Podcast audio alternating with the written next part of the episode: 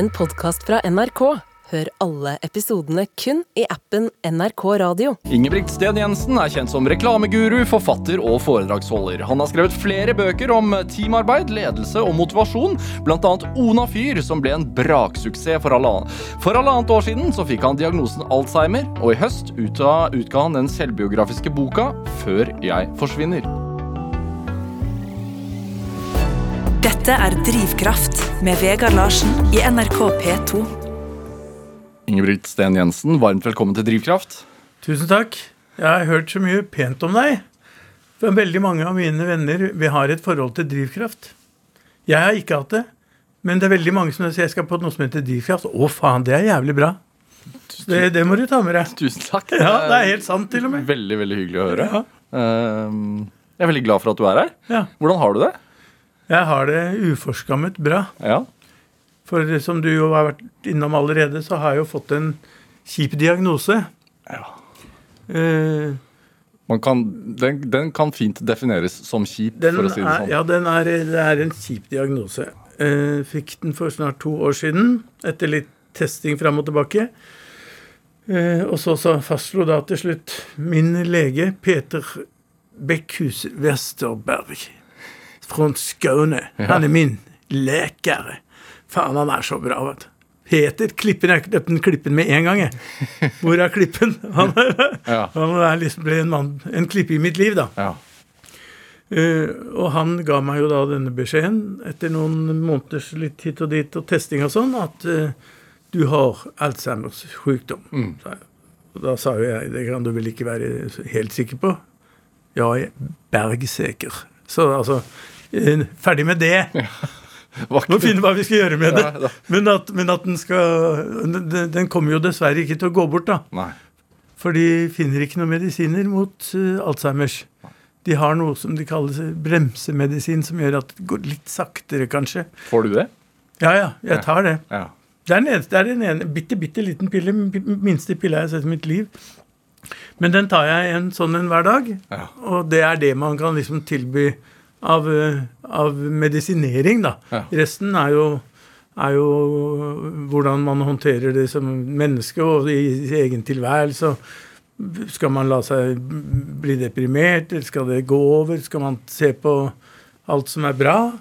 Og, og så har jeg jo da jeg holdt på, med, holdt, på, holdt på litt bevisst med Og der visste jeg ikke at det var noe som het drivkraft som jeg skulle drive med, men, men jeg har drevet med drivkraft.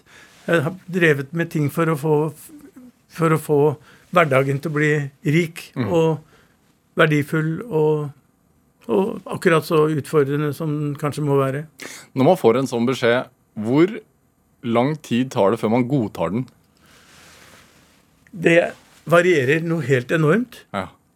Eh, Det er jo noen som har eh, kjærester eller ektefeller som har fått diagnosen, og som, som, ikke har, som har fått kjempetrøbbel med å håndtere tilværelsen. Får ikke sove, dypt deprimerte osv. osv. Mm. Og noen av dem har da ringt til meg, og det har vært folk jeg kanskje har kjent, og sagt at uh, uh, nå har jo Kristina gått helt i kjelleren. Mm. Ja. Kan du snakke med henne? Ja, jeg kan jo snakke med henne, sier jeg. Jeg, kan jo ikke, jeg er jo ikke noen lege, jeg kan, men jeg kan si noen ting om hva jeg har forsøkt å, hvordan jeg har forsøkt å tenke. og Du har blitt en slags Alzheimer-motivator. ja, litt, vet du hva? Lite grann. Altså, for du skjønner, dette her er en Unnskyld. Veldig populær sykdom. det er over 100 000 nordmenn Ja. som har den sykdommen. Det er forferdelig. Ja, og det blir eh, flere og flere. Ja, jo og jo eldre vi blir, Mm. jo, jo flere og flere kommer det til å bli. Og det forskes selvfølgelig i alle bauger og kanter i Amerika og i Ukraina og i India og alle steder hvor de er flinke med, med medisinsk forskning. Mm. Eh, men de er altså fortsatt ikke kommet lenger enn en at eh, vi veit ikke hvorfor noen får det, vi. Nei. Ikke er det arvelig, eh, og ikke er det smittsomt. Og, ikke sant? Det er bare en Eller bare Men det er en, en eh, kjip sykdom som gjør at du gradvis Gradvis skal du jo da gå nedoverbakke med meg. Eh, og ting som jeg husker i, i dag, vil jeg kanskje ikke huske hvis vi gjør dette så om igjen i, til neste år. Altså, det er vanskelig å vite hvordan, hvordan gangen i det blir. Hvordan merker du at du er syk? Altså Det som er litt problematisk med det, og det er fælt å kalle det et problem, for det er jo ikke det Jeg kjenner ikke at jeg er sjuk. I det hele altså, i det hele tatt. Det er jo ikke en sykdom som gjør at man blir får liksom, store hodesmerter eller vondt i mellomgulvet eller ikke sant? Det er, det er, dette er jo en ren dement sykdom som handler om at hjernen blir utsatt for angrep. Mm. Eh, og da er det litt vanskelig å, å, Nå husker jeg ikke hva du var i spørsmålet. Hvordan merker du det? Hvordan merker du det? Ja, nettopp det. Jeg merker det veldig lite. Ja. Uh, uh, jeg, jeg har funnet ut at en lur måte å håndtere dette her for for meg, er å prøve å se så positivt som mulig på framtida og for nåtida og for så vidt. Bestemte du deg for det med en gang? Nesten med en gang. Ja. Jeg, jeg, var deppa Det var nesten så jeg bestemte meg i bilen hjem når jeg fått beskjeden ja. om at det der, dette her skal jeg prøve å håndtere på en annen måte enn å bli, enn å gå i kjelleren. Hvorfor hadde du med deg altså den innstillingen til, til, å møte en utfordring? Hvor, kom, hvor kommer den fra i, inni deg? Ja, si det, du. Si det, du. Men uh, Har du alltid vært sånn i forhold til utfordringer?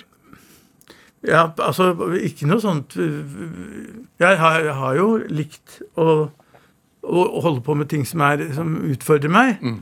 Eh, og hvor jeg kan utfordre venner, og vi kan gjøre ting sammen og sånn. Men, eh, men, eh, men jeg, samtidig så er jeg jo altså verdens feigeste mann òg.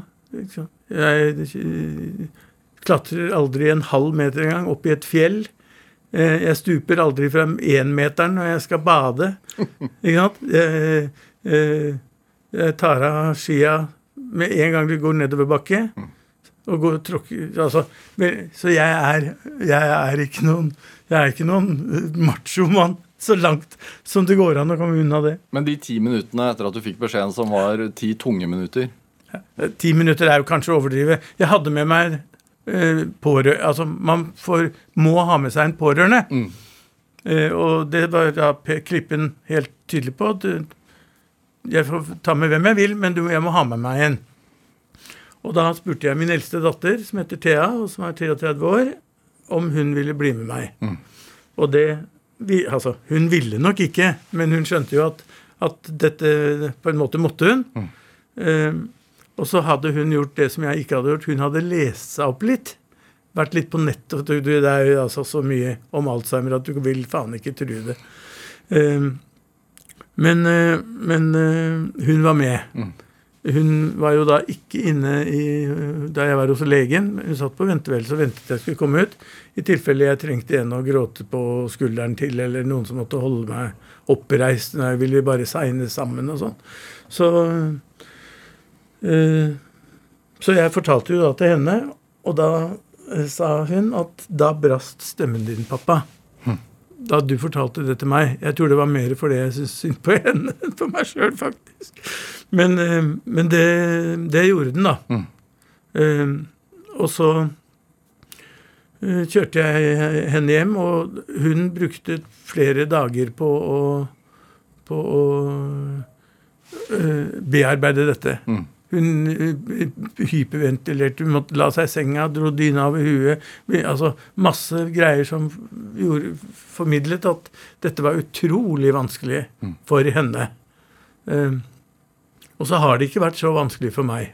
Hvilken Det at du, du sier at stemmen min brast kanskje mest fordi at jeg øh, tenkte på henne. Ja. Hvilke hva er det man frykter eh, for de pårørende og for de nærme? Det jeg fryktet for, var jo at, jeg, at, at altså Dels var at hun skulle bli utrøstelig lei seg. Mm. Men, og det var hun jo i noen dager. Men det gikk jo over. Eh, men, eh, men jeg har, jeg har bevisst, eller ubevisst, sikkert ganske bevisst, gått inn for å være positiv også i forhold til mine nærmeste. Ja. Eh, det var jo en ny kjæreste som gjorde at dette ble oppdaget. For jeg fikk en ny kjæreste. Ja. Eh, og, og, hun eh, er flyvertinne og har orden i sysakene. Det er ikke noe tull og tøys og drit i det, og det er ikke så nøye og sånn. Det er ikke det. Er du, er du flyvertinne, så har du helt koll på alt. Eh, og hun sa etter noen måneder, da, at eh, Ingebrigt, du glemmer veldig mye av ting vi har snakket om og sånn, og som jeg snakket om kanskje bare for en halvtime siden. Du spør om igjen om alt mulig rart. Hun er jo ute og flyr, så jeg spør jo på kvelden før hvor skal, skal du fly, ut og fly i morgen. Og det skal hun jo veldig ofte. Hvor skal du fly igjen i morgen, sier jeg. Jeg skal til Bardufoss og til København, sier hun. Ja vel, jøss, så bra. Og så går det et kvarter, sier jeg. Skal du fly i morgen? Ja, men Ingebrigt, da. Det er jo et, er kvarter siden vi ble Jeg skal til København og Bar- Bar- Bardufoss. Det er jævla mye Bardufoss, faktisk. Gud vet hvorfor det er. Skal du ikke til Bardufoss nå? Du driver og flyr i New York, da, skjønner du. Men i hvert fall Hun sa jeg syns du burde teste det. Veldig mange pårørende kommer til et punkt hvor de kanskje tenker at det kan hende at dette ikke er helt vanlig, helt normalt. Kanskje det hadde vært lurt å teste. Det verste som kan skje, er jo at du får beskjed om at det, at det er noe gærent. Og hvis ikke, så er det jo bare Så, så hun sa jeg syns du skal gå og teste det. Og så sa jeg da av en eller annen grunn Men jeg sa ja, det kan jeg gjøre, sa jeg. Hvordan er de testene? Ja, det skal, skal jeg straks komme tilbake til. Ja. Eh, men eh, men eh, de eh, eh, De handler De Ja, der. Hva, hva var det siste vi snakket om? Du sa egentlig Nei, du sa at du skulle gå og teste deg. Så, sa, så, så, ja, sa kjæresten din at det er bra å teste deg. Ja, det gjorde hun. Det var akkurat hva hun gjorde. Ja. Og, så sa, og da, det er ikke så veldig mye hun, hun liksom er dødsimponert over når det gjelder meg. Men akkurat det at jeg sa jeg, ja, det gjør jeg, Ja. det syns hun var kult. For det, de fleste vil ikke på tørre møkka gå det. Jeg skal ikke testes, jeg er ikke sjuk. Jeg skal ha lappen min, de skal faen ikke ta den. Altså, det er, det er mange som stritter imot. Naturlig nok. For du har ikke lyst til å få en sånn beskjed. Da tenker du kanskje bedre å ikke få den, og så får vi se hva som skjer. Men jeg sa eh, ja, det skal jeg gjøre. Da er det gang en sånn. Og det, sånn ville den vært for deg, da, hvis du skulle oppleve dette her en gang. Fastlegen først. Han skal, eller hun, skal prate med deg, prøve å utrede så godt han eller hun kan, og så sende deg videre. Da ble jeg sendt til noe som het Nevropsykologisk forening, eller et eller annet merkverdig sted, og like ved SAS-hotellet, som drev øh, og liksom utreda folk. En mellomleder mellom fastlegen og eksperten, da. Så der var det massevis av rare tester. Jeg fikk 305 påstander for, for, forelagt meg. Det var drita mange for det første, og så var det veldig rare for det andre. Og for det tredje var det mange som gikk igjen. For det var, var åpenbart en eller annen finurlighet med at hvis du sa det, når vi sa det sånn og ikke sånn, så har det en annen.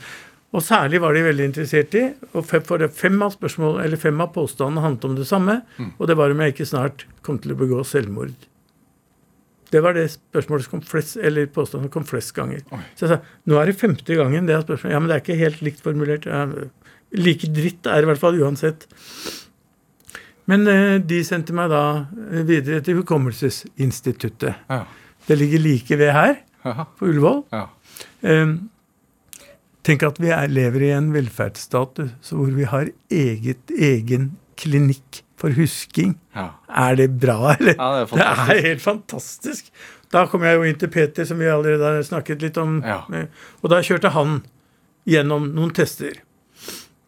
Um, skal ikke sikkert holde på med alle sammen, men den første testen var at han leste opp Han sa 'Jeg skal nå lese opp for deg 15 uh, ord', Mm.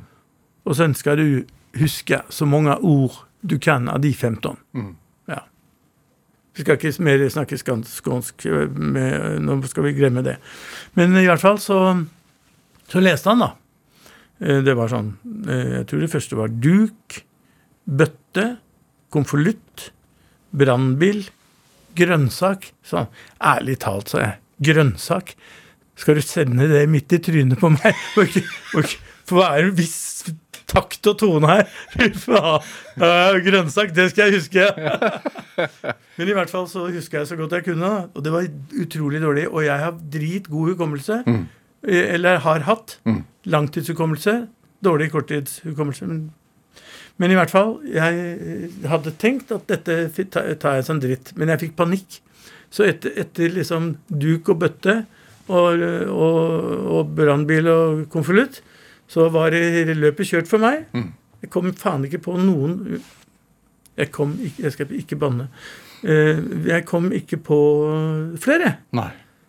Og så tenkte jeg til, Så leste den det flere ganger, da, og etter hvert så, så klarte jeg jo flere, selvfølgelig. Men, men altså då, Langt dårligere enn man burde forvente av et menneske med min utdanning og min yrkeserfaring.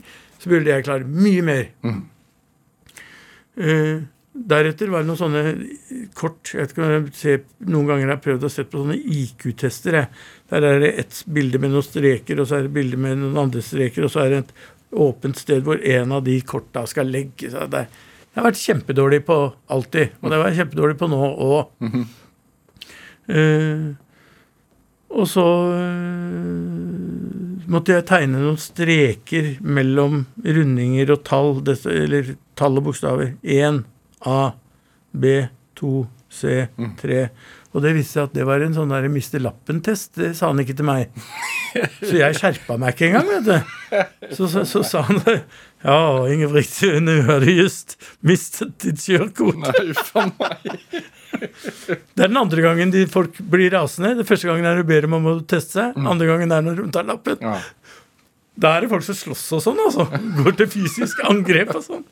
Ja, Hvordan reagerte du, da? Altså, Du har jo ikke lappen i dag. Nei, nei, nei jeg, jeg skjønte den forholdsvis jeg, Altså, jeg oppfattet det ikke egentlig før etterpå at For det var at jeg hadde brukt, brukt 3 minutter og 18 sekunder, og maks var 3 minutter og 8 sekunder. Men jeg hadde ikke fått beskjed om at det hasta, så jeg hadde sikkert egentlig Men istedenfor å drive og, og bruke masse energi på det, så tenker jeg har spart over 100 000 kroner på å selge bilen og ikke betale, ikke betale forsikring og ikke betale bensin og Ja. ikke betale bomring. og Det er faen meg den beste investeringen jeg noensinne har gjort. Og så tar jeg, sier de jo til meg, da Da hører jeg at jeg prater fælt eh, eh, Ta drosjer. Altså, du kan ta utrolig mye drosje Ja. for 100 000 kroner i året. Og, og i tillegg er jo Stabekk et kollektivt knutepunkt med bane, trikk, buss og tog. Ja. Så det, er, det går helt fint. Pluss at jeg har mine gode venner rundt meg som ringer nesten ukentlig og sier Er det noe du trenger å bli kjørt til nå, Ingebrigt? ja, så flott. Ja, det er fantastisk. De ringer ukentlig. Ja. Trenger du hjelp til et eller annet? Skal jeg kjøre? Ja. Det med at du, du sier at da du mista lappen, så tenkte du at ja, ja, skal jeg bruke noe mer tid på å bråke om det? Mm. det? Det med å ha den innstillingen at man ikke bruker tid på noe man ikke får gjort noe med. ja. Hvor viktig er det? Jeg tror det er utrolig viktig. Ja. Fordi at eh, det, det er jo en enorm energilekkasje i å være, føle seg urettferdig behandla eller, eller eh, skal ta igjen eller Altså Så jeg har da, langt om lenge, og uh, kommet i, i, i mål og en fin samforståelse med Peter. Og så har han i tillegg da til det de prøvene jeg viste, snakket om nå, kognitive prøver, liksom, så er det også noen sånne mer uh, hadde nær sagt medisinske greier, da. For eksempel så skal de tappe uh, ryggmargsprøve. Og av alt jeg gru- grudde meg til til i det greiene der, var det egentlig bare én ting jeg grudde meg til. Og det var at de skulle ta ut en sånn svær jævla kanyle og stikke inn i mellom 32. og 33. ryggvirvel. Aha. Det er nemlig der de stikker etter Alzheimers. og eh, Men din væske var ganske klar. Ja, du har lest opp litt. Jeg har lest faen. boka di, vet du. Har du lest boka, ja? Faen, så gøy. ja. Ja. Var du, var du syntes den var bra? Ja, syns det var bra. Ja, så flott, da. Herlig. Det med det, det med boka. Ja. Det var jo en, noe jeg nesten kom på med én gang. Ja. Altså, jeg tenkte dette her eh, er en heavy greie, eh, men den er et eh, ugjendrivelig faktum. Og nå kan du jo bruke litt energi på å finne ut av hvordan er det dette funker egentlig, sånn at folk kan lære seg f.eks. dette med ryggmargsprøven. Mm. På et visst tidspunkt kommer den. Eh, Og på et visst tidspunkt kommer det også en, eh, en PET-test, som er en hjerneskanner hvor du ligger inne i et sånt kanonrør, og de bombarderer hjernen din med, med lyder og bø- bø- bølger og alt mulig rart. Mm. Og ut, til slutt, når de har gjort det, så kommer det ut et bilde av en hjerne, da. Min hjerne, for eksempel, kom da ut etter at vi var ferdig med alle de der testene. Og da sa jo Peter 'Her er din hjerne'. Jaha, sa jeg. Den, så, den syns jeg så interessant ut, sa jeg. Ja, den er rett interessant. Dette her er min morsas hjerne. Ja, hvor gammel er hun? Hun er 82. Hun hadde en hjerne som du ikke tror det. Nydelige pastellfarger. vakre, vakre figurer. Helt fantastisk. Ja. faen. Min så ut som det var en slags form for sånn cowboyplakat hvor Morgan Kane akkurat hadde skutt høl. Det var svære høl i hjernen. Men, og dette skal jo da følges år for år, for det skal jo bli forringet, dette her.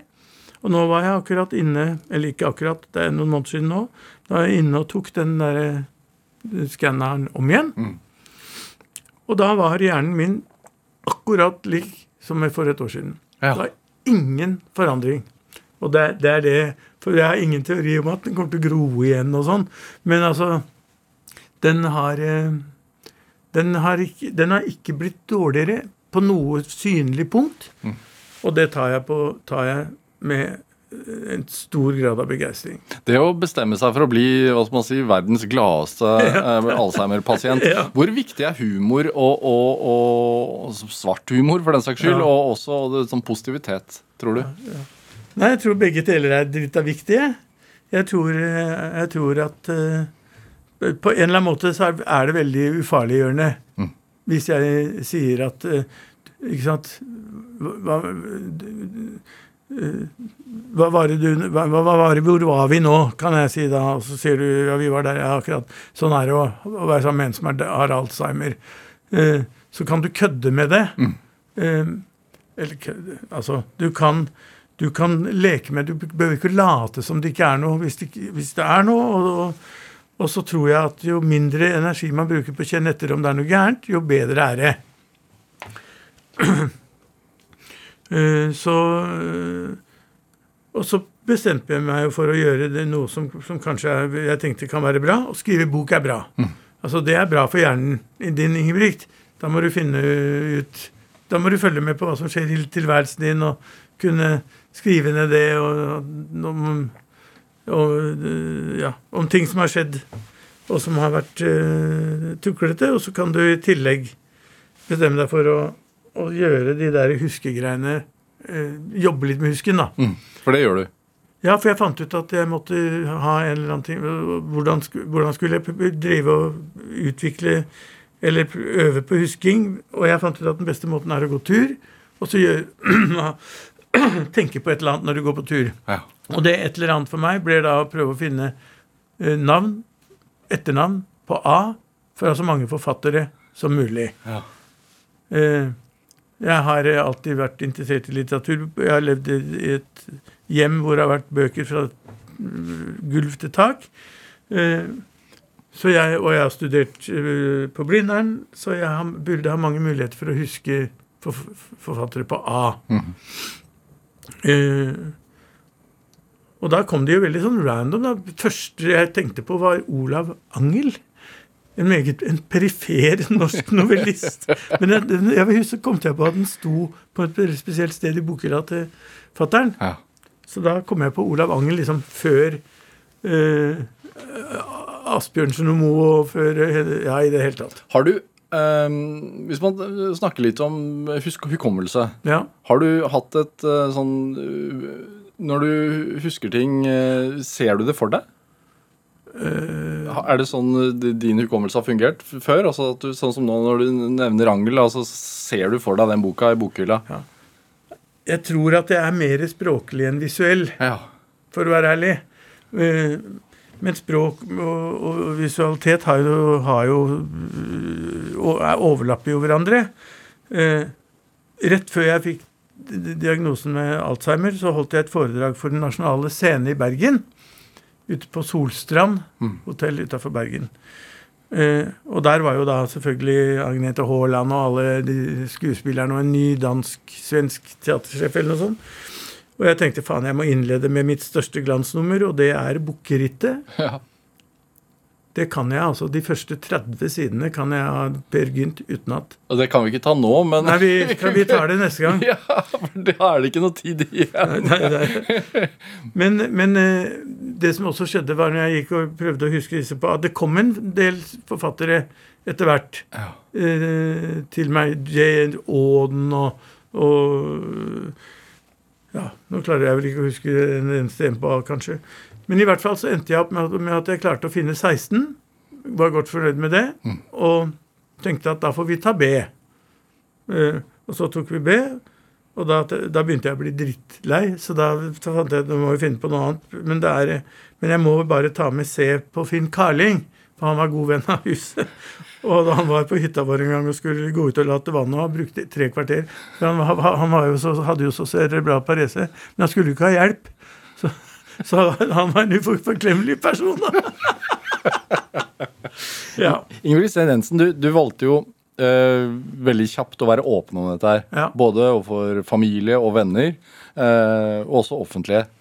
Hvor, hvorfor vil, altså, hva var det, var det helt naturlig for deg? Bare sånn, dette må jeg si. Ja, altså det ene uh, litt sånn derre heroiske, det var jo å skulle gjøre det fordi at Peter ba meg om det. Ja, legen. Altså at det, er så mange folk med kjente Navn og kjente ansikten som har sittet i din stol der du sitter nå, og jeg har vedet til dem. Var, var åpen, beretta, Ja. og alle sier nei. Hvorfor er det så skambelagt? Nei, Det er et godt spørsmål, men det er vel fordi at du blir surrete i huet, da. Altså, Hvis du brekker beinet eller eh, noe, så heles du jo det. Ja. Men altså, det, det, å, det å liksom gradvis forsvinne inn i tåkeheimen, dansen gjennom skuggeheimen, vet du. For øvrig på B. Hva det fa- hva er det heter for det? Jeg vet, jeg vet ikke hvilken forfatter du sikter til. Da. Jeg- burde sikkert visst det. Dansen gjennom skuggeheimen Ah, Jan Kjell Bruheim, selvfølgelig. Ja, ja. Bruheim. Nei da. Jeg vet ikke hvorfor jeg overhodet klarte å vase meg ut i dette her. Men Jo, med åpenheten. åpenheten Eh, Jo, jeg tenkte at, eh, at eh, jeg vil fortelle om det. Ja. Eh, jeg vil at folk Hvis jeg, hvis jeg oppfører meg rart eller, eller fremstår glemsk eller ut, ut av meg, så er det mye bedre at eh, Kong, som er eh, sjefen på Rimin, min, butikken min, han er fra Sierra Leone, verdens beste butikkmann, at han veit hva er det som skjer med Ingebrigt nå. Ja.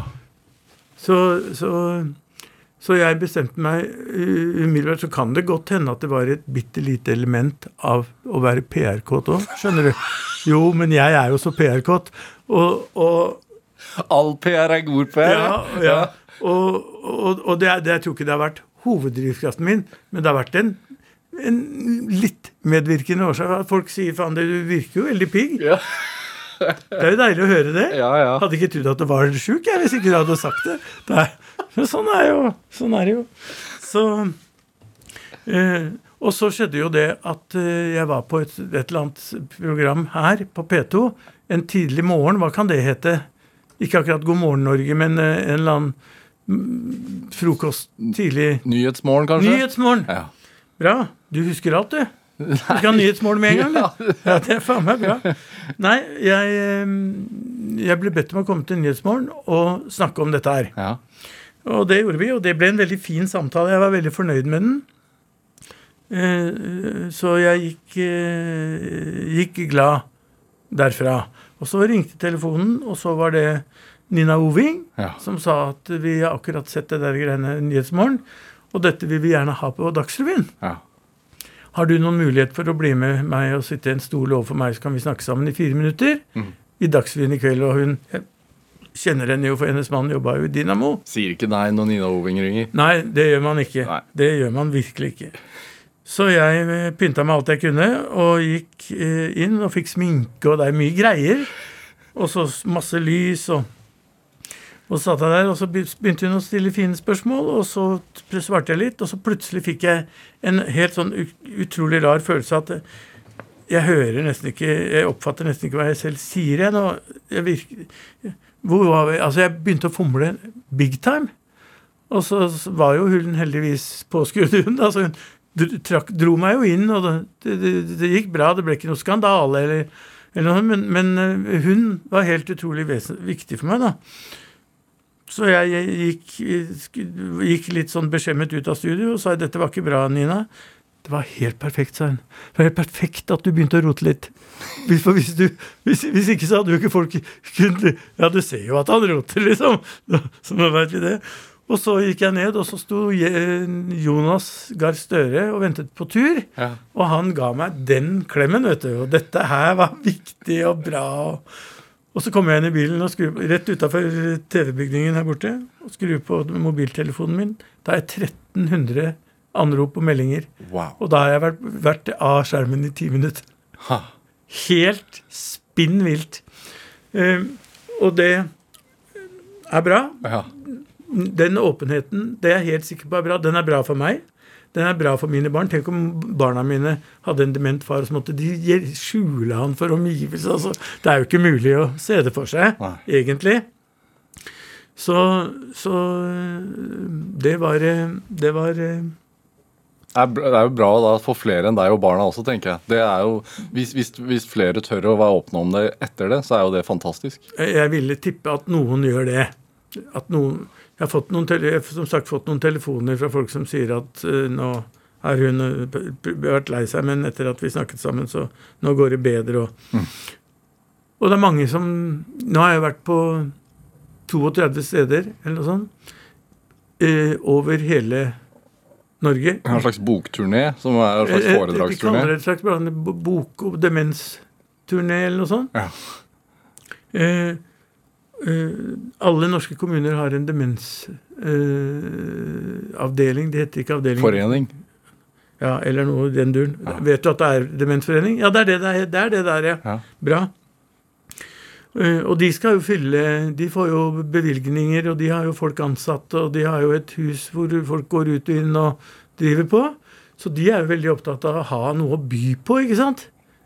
Eh, Som ikke bare er at det kommer en mann og spiller piano, eller Men altså Så, så det har vært en kjempepågang av, av kommuner. Mm. Og noen andre eh, aktører òg, for så vidt. Men suverent mest av sånne demensforeninger. Eh, Og jeg har vært eh, over hele eh, Øst- og Sør-Norge og Vest-Norge. Eh, Har igjen eh, eh, Finnmark og Troms og Eller hva, hva heter det nå? Nordland? Er det Nord... Hva heter det greiene? En Nord, Nordland. Tenk at vi ikke kan fylkene lenger. Du, da har du ikke, da har du, da har du ikke vært noe særlig dårlig til å finne på Nå skal vi lage det sånn at folk ikke veit hvilket fylke de bor i. Det er helt uvirkelig. Men, ja, men det har vært og, og det har kommet masse folk. Altså, Det meste jeg har hatt, er 350 i Heim kommune på eh, Nordmøre. Ja. To- 350 mennesker har aldri vært samla i Heim kommune noen gang. Eh, Det skyldes at jeg har vært gift med en jente fra Heim kommune i mange år, og vært der mye og sånn. Men det var enorm pågang. Ja.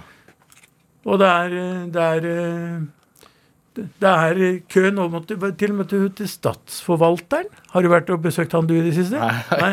Lurer på hva det er, det er, er for noe, jeg. Er det fylkesmann bare med et annet navn, eller? eller? det? Er ikke, det er ikke lett å holde Det på det. Selv om du er det, selv om det ikke er Jo, altså. Jeg har ikke noe unnskyldning, vet du. Nei, fy fader. Det er- Men det er moro. Det, det er kjempemoro. Man blir jo tatt så godt imot. Ja. De ringer til kjæresten min og sier at vi har bestilt en billett. Kan du sørge for at han skriver det, det nummeret i et eller annet sted, så han kan få den ut når vi kommer på stasjonen? Ja. Og så møter vi han, akkurat som du, du nå. Du var jo sto utafor og tok imot meg. Ja, du gjorde jo Nei, det. men det var for å eventuelt betale drosja di, da. Ja, ja. Ja, ja. Men jeg lot som det var fordi han, at du sto han, der. finner, han finner veien inn. Ja, ja. Kjæresten min er alltid stressa. Ja. Hun har vært stressa nå i dag om at jeg må huske på at jeg skal til deg, og når jeg må dra og gå, var det, var det ti over, og var det og så videre. Ja. Men, eh, Men eh, det er eh, kjempemorsomt å komme seg rundt. Og eh, jeg er veldig glad i dialekter, så når jeg er i, i f.eks. i Grimstad, så kan jeg snakke nesten sånn som du hører, kan tro at det er fra Grimstad. Jeg sier mi, f.eks. Vi sier ikke vi, vi sier mi. Ja, sånn holder jeg på, da. Eh, og, og da, det, da begynner folk å le, vet du. Han prater jo om tre, nesten, nesten vår dialekt, liksom. Du, de- denne um, oppmerksomhets... eh, gleden ved å få oppmerksomhet, Ja, den var jo der før du ble syk. Så til de grader. Ja. Hva, hva, Den har vært der alltid, den. ja. Har, det vært en, har det vært en drivkraft En stor, tidligere i livet? En, en stor drivkraft Ja. for meg. Å, få oppmerksomhet, å få skryt, Ja. å få, opp, få folk som kommer bort til deg og sier jeg, har lest boka, det er dritbra', eller Ja. Altså Hvorfor det? Nei, altså Jeg har, jeg har hadde en, en far som var, var øh, Som mistet faren sin under krigen. Er helt jævlig, hele greia. Og, og som måtte kompensere med veldig, på veldig mange andre måter for å få livet til å gå opp. Og nå husker jeg i hvert fall ikke hva som var inngangs... Nei, Vi snakka om oppmerksomhetsbehovet. Oppmerksomhetsbehovet. Ja. Han hadde det. Eh, Han eh, var på, på eh, fjernsyn hver eneste fredag eh, rett før Detektimen Ja. og mellom Dagsrevyen og dag, Dagsrevyen. Ja, Hadde han Brik Jensen bokstavelig talt Ja. prata med forfattere. Hadde en million seere. Det var, var ikke noe annet å se på. Ja. Det var det det var. På fredag mellom Dagsrevyen og Detektimen sitter Brik Jensen og prater om bøker. Eh, men da var han også, ble han også ble besatt av det. skjønner du, For, hadde, for eksempel ville han alltid gå på ski på søndager når han hadde vært på, nei, på lørdager når han hadde vært på TV på fredager. For da gikk han og talte, de som kom andre veien. da, Hvor mange nikka. Man, man, For det var jo folk som han ikke ante hvem var. ikke sant? Ja, hvor mange ble det i dag da, far? sa jeg. 84. Så jeg arva litt av det, da. Ja. Ja. Likt meg i rampelyset. Ehm, det er ikke så mange som innrømmer at de liker seg så veldig godt i rampelyset. De fleste skulle jo vært det foruten, liksom. Men det er bare piss. Hvis du er kjendis, er det fordi du elsker å være kjendis. Det er ikke mot din vilje. Det skal jeg love deg, uansett om du er dement eller ikke. Det Bekreftelsesbehovet, blir det, eh, som jo antageligvis stammer fra barnsa, blir, Ja. blir det mindre eller sånn med årene? Altså, har det, fordi du valgte jo en bransje også hvor det var mye oppmerksomhet. Altså, du valgte jo reklamebransjen og Det var jo først og fremst fotballen Ja, som gjorde at jeg fikk oppmerksomhet. Altså, Du var god fotballspiller en periode. Ja, nei. Jeg var ikke god. Jeg var halvgod. Eh, Jeg ble riktignok kåra til årets beste fotballspiller i Asker og Bærum i 1979. Men jeg var aldri ordentlig god i fotball. Men jeg brukte jo livet mitt på det. Eh, og det å ta og løfte et fotballag fra, som du helt riktig sa, fra fjerdedivisjon til norgesmesterskap i løpet av Det var ikke, var ikke fem år, riktignok, det var seks eller sju. Men altså eh, Det har aldri skjedd før. Ingen har gjort den reisen der ah, Reise. Aldri bruk ordet reise. Jeg er så lei av folk. Det har vært en fantastisk reise. Har det vært en reise? Å, det har vært en fantastisk reise. Så det, det, det tar jeg tilbake. Det var ikke en reise, det var en tur fra femtedivisjon til men, men, men det er klart at den, det fokuset fotball, fotballen har, overgår jo hva reklamebransjen noensinne til sammen har klart å skape i 100 år. Folk driter i reklame. De syns det, de det er ok. Og noe er ok, og noe er Men det er ikke det, det, er ikke det, det, det, er ikke det som, som uh, først og fremst skaper kjendiser. Kjetil Try er kanskje en kjendis, og jeg har vært det. Det er ikke mange flere folk sier en navn på en reklamemann. Hvorfor var det så god match, tror du, da? For med deg og reklame? Ja, det var en god match fordi at jeg eh, har øh, eh, eh, ja, det, er vanskelig å svare på, egentlig. Kanskje jeg har en eller annen eh, feeling for eh, For noe. Jeg, jeg var jo opptatt av at reklame er en stor næring, og at den har en stor påvirkningskraft. For, for altså, hver tredje avisside I gamle dager der det var aviser, fantes av, aviser til.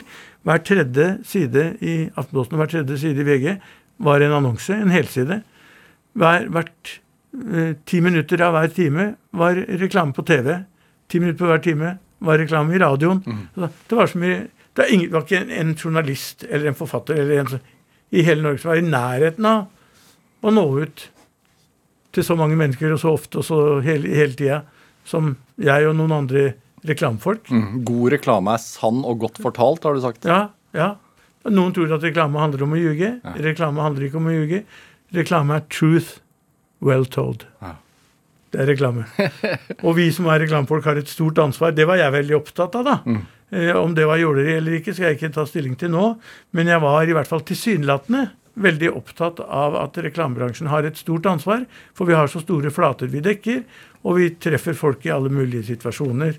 Og øh, øh, kan øh, kan eh, skape et eller annet som, eh, som over tid til og med virker og kan få stor betydning. Er det noe slogan eller noe sånt som du er mest stolt av? Ja, nå fikk jeg, fikk jeg akkurat en utmerkelse fra Anne Holt. eh, For hun hadde kommet over en, et slagord jeg lagde som hun nå syntes det var så jævla morsomt. Det var jo en sånn derre eh, runde, fotballrunde der hvor det var, ble 6-4 og 3-5. og Det var helt vanvittig. Og Anne Holt sa da at eh, det, jeg tror jeg siterer Ingebrigtsensen, jeg sier at livet er morsommere for den som er glad i fotball. Det ble Norsk Tippings slagord det. Eh, men eh, men eh, det Det var et Ja, vær så god. Hvordan er det med kreativiteten nå? Hvordan påvirker sykdommen kreativitet? Foreløpig tror jeg at den ikke gjør det i det hele tatt. Eh, Den påvirker, Du merker jo når vi har sittet og snakket såpass lenge nå, at det er en, blir et til sammen er det noen ganger hvor jeg har liksom måttet gi opp litt og be om hjelp, eller at jeg føler at det går seint, eller at jeg går omveier eller sånn. Det er jo et slags faktum. Jeg hadde ikke sittet sånn for fem år siden. Eh, Men det er jo ikke så ille heller. Jeg syns det går veldig bra. Ja, det er bra. Det passer jeg på å spørre over folk om. Ja. Syns du jeg virker dement? Nei, sier de. Tusen takk. Nei, men det syns jeg jo ikke. Nei, nei. For det å prate en time på radio i seg selv er jo en, en, en stor utfordring. Ja. Og det å, å gjøre det med Når man har fått den sykdommen, det tenker jeg må være en kjempeutfordring. Blir du mer sliten nå enn før? Ja, kanskje litt. Jeg, jeg, jeg har alltid vært veldig glad i å sove. eh, og jeg eh, sover eh, litt mer enn jeg gjorde før. Eh, men eh, ikke noe sånn at jeg liksom ligger som en klut og er helt eh, ferdig av at jeg trilla ut søpla, liksom. Vi er ikke på, eh, på det nivået der. Men eh, Men eh, jeg har jo prøvd å lage meg altså, et regime Når jeg er ute og snakker og jeg sier jeg er en mann, jeg er en lykkelig mann med Alzheimers, eh, så, så, så, så jeg sier de ja, hvordan i all verden kan det være det? Jo, så jeg, da begynner jo dagen med at jeg står opp, så går jeg bort til gardina, så drar jeg gardina til side. Og så sier jeg Se det været, Kristin! Det er så jævla fint vær ute! Fy fader, nå skal jeg gå på golfbanen og spille ni hull. På det fine været her nå. Skal jeg dra dit, skal jeg gå der helt aleine, for jeg liker å gå aleine. For hvis andre ser på, blir jeg enda dårligere når jeg går aleine. Eh, og så når jeg er ferdig med å gå en runde på golfbanen, kåra to ganger offisielt av Norges Golfforbund til norgeshistoriens dårligste golfspiller. Ja. To år på rad. Det har ikke skjedd, det, vet du. For jeg er sånn Nå skal jeg gå ut og spille igjen i dag. Skal vi få bekrefta at det fortsatt er dårlig. Eh, Men så sier jeg så, ja, ja, da sier hun ja, gå og spill golf. Liker ofte å gå aleine, kan gå ni hull, syns det er fint. Sola skinner, fuglene kvitter, treffer ballen noen ganger. Eh, Når det har vært der, så da er jeg på Samsons bakeri på Bekkestua. De har de beste kanelbollene. De har kanelboller med 850 kalorier. Ivar Dyrhaug og jeg møtes en gang i uka på Samson. Han spiser fire sånne, han. Og så er han tynn som en strek. Men da, og da, der, er der er- kjøper jeg avis, ikke sant. Koser meg med kaffe, avis, eh, kanelbolle Ja. eh, og så videre. Og så eh, drar jeg hjem, og så er det kanskje eh, noe mat. Jeg lager ikke så mye mat, men Kristine er flink til å lage mat. Og så begynner jeg å se over VG Live hvilke kamper går i kveld. Ja. Og faen, det er City Bournemouth. Den skal jeg se. Jeg holder med Haaland og scora igjen. Og, altså, Fy fader. Eh, fotball er jo, Nå er det jo så mye fotball at selv jeg syns det er blitt for mye. Eller, men det er jo bare å la være å se på, selvfølgelig. Du, du skriver jo eh, Ingebrigt Jensen, i boka di at uh, Alzheimer-sykdommen uh, på et vis også vekka deg litt i, for, Ja. i forhold til spesielt barna dine. Ja. Hvordan, hvordan da? Eh, ja, det er helt riktig gjengitt. Du har lest den godt. Men eh, eh, jeg har jo eh, Jeg har jo Det høres ut som alle vet alt mulig jo. Men eh, jeg har jo hatt tre eh, sam samboerskap. Altså et ekteskap og to samboerskap. Jeg har fire barn eh, eh, med to på hver, hver, hver mor. Ja. Eh, og, og jeg har søsken som jo, det, som jo ofte blir sånn at, at min bror Øyvind, som er halvannet år yngre enn meg, og som vi hang sammen som erteris til jeg var 25 eller noe sånt, vi, vi har vokst fra hverandre. Han har, for de bor på Nesodden. Det er langt å reise. Vi ser hverandre to-tre ganger i året. Mm. det er ikke sånn og det er sikkert mange som har det. Jeg har en søster som er litt yngre enn meg, men ikke så veldig. Og hun eh, bor på Ullern, og hun ser vi litt ofte. Men ikke, ikke, det er ikke så, sånn hele tida. Eh, og så er det også ungene som, som da bor litt hos sin mor og litt hos meg, og litt for seg sjæl etter hvert. Og, eh, over tid så har det der bare av ren sløvhet blitt sånn, ja. Men eh, etter Alzheimeren så har vi man, man jo helt åpenbart Folk rundt meg har jo tatt tak. Jeg har tatt litt tak, men det er jo folk rundt meg som har tatt tak. Da, for da sier Øyvind at nå kommer vi utover nå. Nå er det lenge siden vi har prata sammen. Nå kommer vi utover. Så kan du komme over, utover litt når det nærmer seg sommeren. Ja. Så, så kommer Ragnhild og sier at er det noe du trenger hjelp til. Kåre kan kjøre, skjønner du. Hennes mann, hun har ikke lappen, men Kåre er verdens snilleste mann. Og Kåre kjører. Og, ikke sant? Og så, har, og, så, og så er jo Rakel og Lilly veldig påpasselige med meg. Vi har vært på turer. Da, når jeg reiser meg opp og går, så går de etter hvor, skal, hvor skal du nå? Nei, jeg skal på toalettet. Ja, jeg følger deg borte. Det gjør de hele tiden. Ja, fordi at de nede på Kanariøyene gikk, gikk jeg meg bort nemlig og havna på feil hotell med feil svømmebasseng og faen. Så, så det var jo ikke noe bra. Men, men har da har Alzheimer-sykdommen samla familien på en måte? Ja. Ja.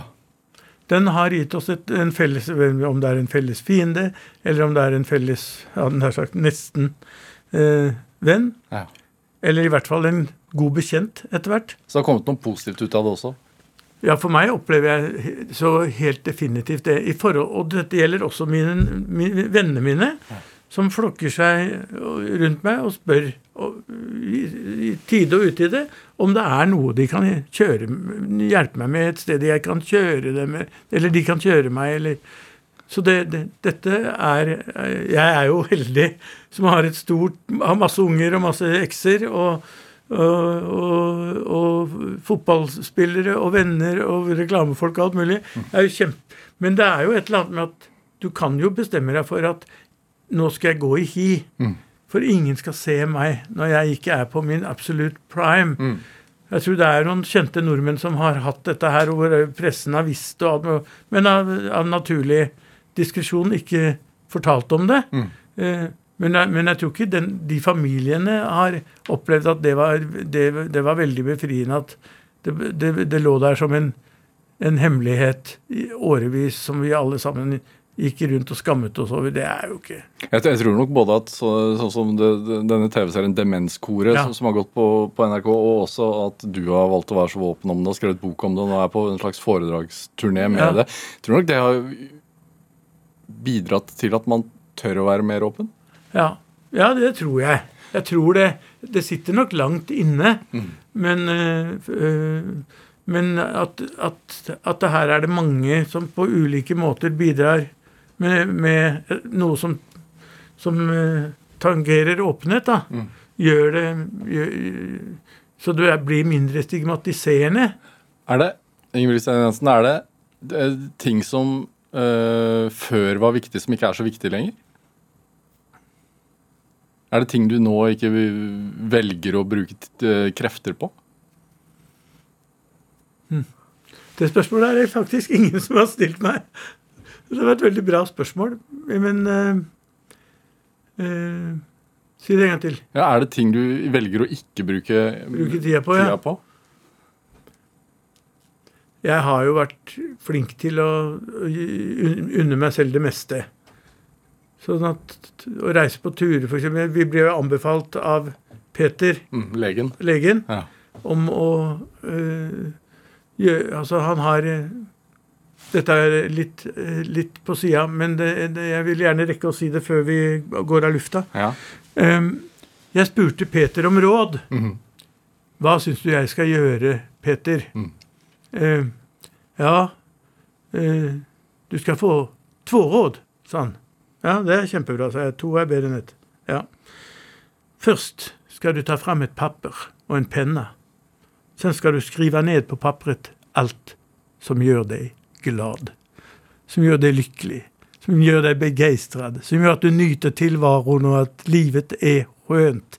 Skriv ned det, legg det i en konvolutt, og vit alltid hvor ligger konvolutten.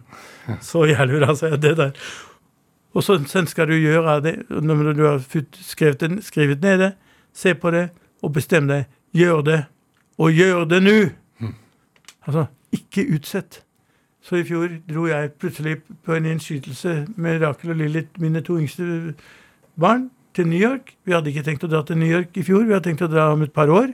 Men så sa vi nå er det jo Alzheimers her, så nå gjør vi det nå. Ja. For uh, det er ikke sikkert vi kan gjøre det om et år. Men nå kan vi gjøre det, og da gjorde vi det. Fantastisk.